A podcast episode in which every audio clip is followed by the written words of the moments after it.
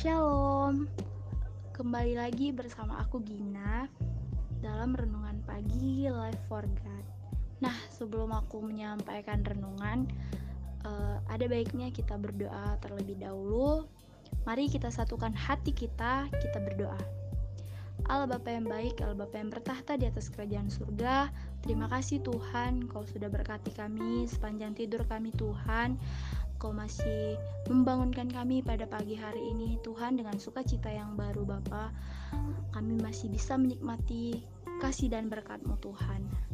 Nah Tuhan, sebelum kami memulaikan aktivitas kami Tuhan, kami mau mendengarkan sedikit uh, renungan firman Tuhan kiranya uh, renungan ini dapat menjadi pedoman kami, dapat menjadi pegangan kami dan kami menjalani aktivitas kami sehari-hari.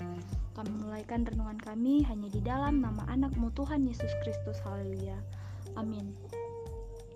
Nah, teman-teman, uh, ayat pokok firman Tuhan yang aku sampaikan pada pagi hari ini terdapat di dalam 1 Tesalonika 3 ayat 12. Di situ berkata, "Dan kiranya Tuhan menjadikan kamu bertambah-tambah dan berkelimpahan dalam kasih seorang terhadap yang lain dan terhadap semua orang, sama seperti kami juga mengasihi kamu.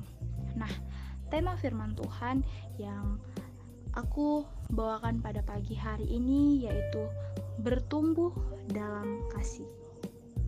Sekali lagi, tema firman Tuhan yang aku bawakan pada pagi hari ini yaitu bertumbuh dalam kasih. Nah, kasih Tuhan yang bertumbuh di dalam hati kita tidak terjadi begitu saja. Pertumbuhannya menuntut usaha dari pihak kita. Kita harus menanam dan memupuk kasih itu di dalam hati kita. Meningkatkan pertumbuhan kasih Tuhan dalam hati kita sama seperti menjaga dan memelihara sebuah tanaman. Kita harus menjaga tanaman-tanaman kecil yang kita tanam tersebut agar bisa bertumbuh dengan baik dan akhirnya bisa berbuah. Tak lupa juga kita harus memberikan pupuk dan membersihkan setiap hama yang menyerang. Demikian juga dengan buah dari kasih Tuhan kita harus menyirami kasih Tuhan di dalam hati kita dengan menyediakan waktu untuk bersekutu dalam doa dan merenungkan firman-Nya.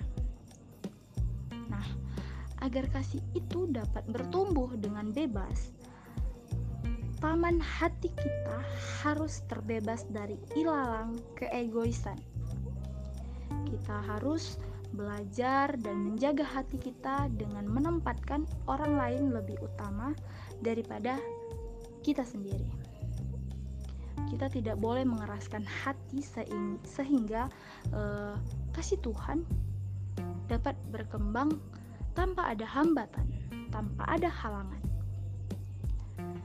Tuhan Yesus berkata di dalam Yohanes 13 ayat 35 ayat 35 dengan demikian, semua orang akan tahu tahu bahwa kamu adalah murid-muridku, yaitu jikalau kamu saling mengasihi. Inilah buktinya bahwa kita adalah murid-murid Tuhan. Nah, dalam Roma 12 ayat 9 sampai 10. Uh, Hendaklah kasih itu jangan pura-pura, jauhilah yang jahat dan lakukanlah yang baik. Hendaklah kamu saling mengasihi sebagai saudara dan saling mendahului dalam memberi hormat. Nah, banyak di antara kita yang tidak menyadari bahwa kita adalah pembunuh. Mungkin pun uh, kita akan bertanya, Bagaimana bisa saya dikatakan seorang pembunuh? Setiap orang yang membenci saudaranya, dia adalah seorang pembunuh manusia. Dan kamu tahu bahwa tidak ada seorang pembunuh yang tetap memiliki hidup yang kekal di dalam dirinya. Mari belajar dari Tuhan Yesus. Demikianlah kita kita ketahui kasih Kristus yaitu bahwa ia telah menyerahkan nyawanya untuk kita. Jadi, kita pun wajib menyerahkan nyawa kita untuk saudara-saudara kita.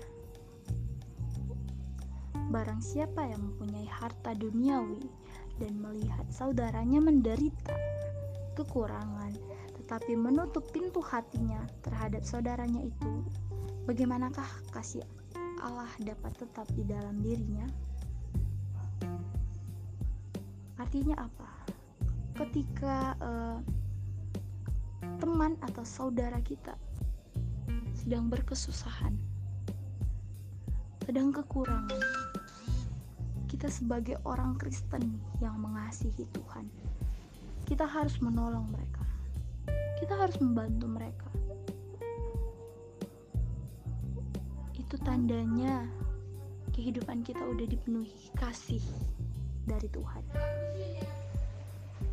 Nah, bagaimana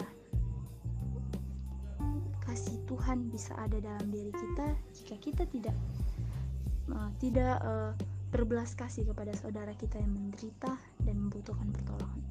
Nah, seperti yang saya bilang tadi, mari kita gunakan kasih itu untuk kita menolong sesama kita untuk kita uh, kayak menjadi berkat bagi orang lain. Biarlah kasih itu tetap menyala bagi hidup kita. Biarlah kasih Tuhan itu tetap ada bagi diri kita pribadi lepas pribadi. Nah, pada 1 Yohanes 4 ayat 20 dikatakan, Barang siapa tidak mengasihi saudaranya yang dilihatnya, tidak mungkin mengasihi Allah yang tidak dilihatnya. Nah, itu tadi. Ketika engkau uh, engkau sudah melihat ada seseorang yang berkesusahan, berkekurangan, tapi engkau tidak mempedulikan itu.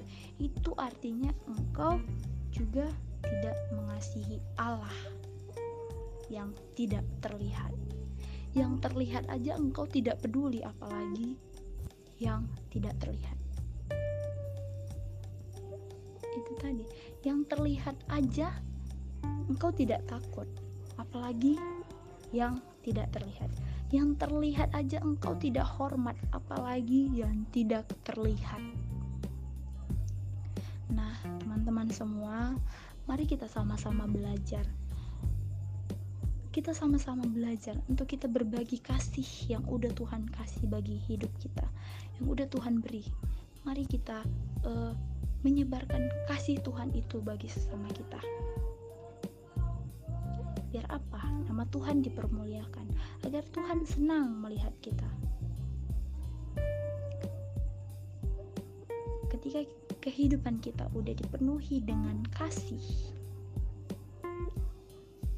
itu tandanya kekristenan kita sudah sungguh-sungguh kepada Tuhan. Itu tandanya kehidupan kita udah setia kepada Tuhan.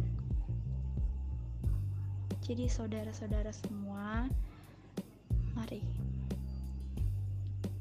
mari kita kasihi sesama kita. Mari kita sama-sama bertumbuh di dalam kasih. Mari kita sama-sama uh, hidup di dalam kasih. Kita berbuah. Jangan ketika uh, Tuhan datang Tuhan dapati engkau kosong. Tuhan dapati engkau tidak berbuah sama sekali.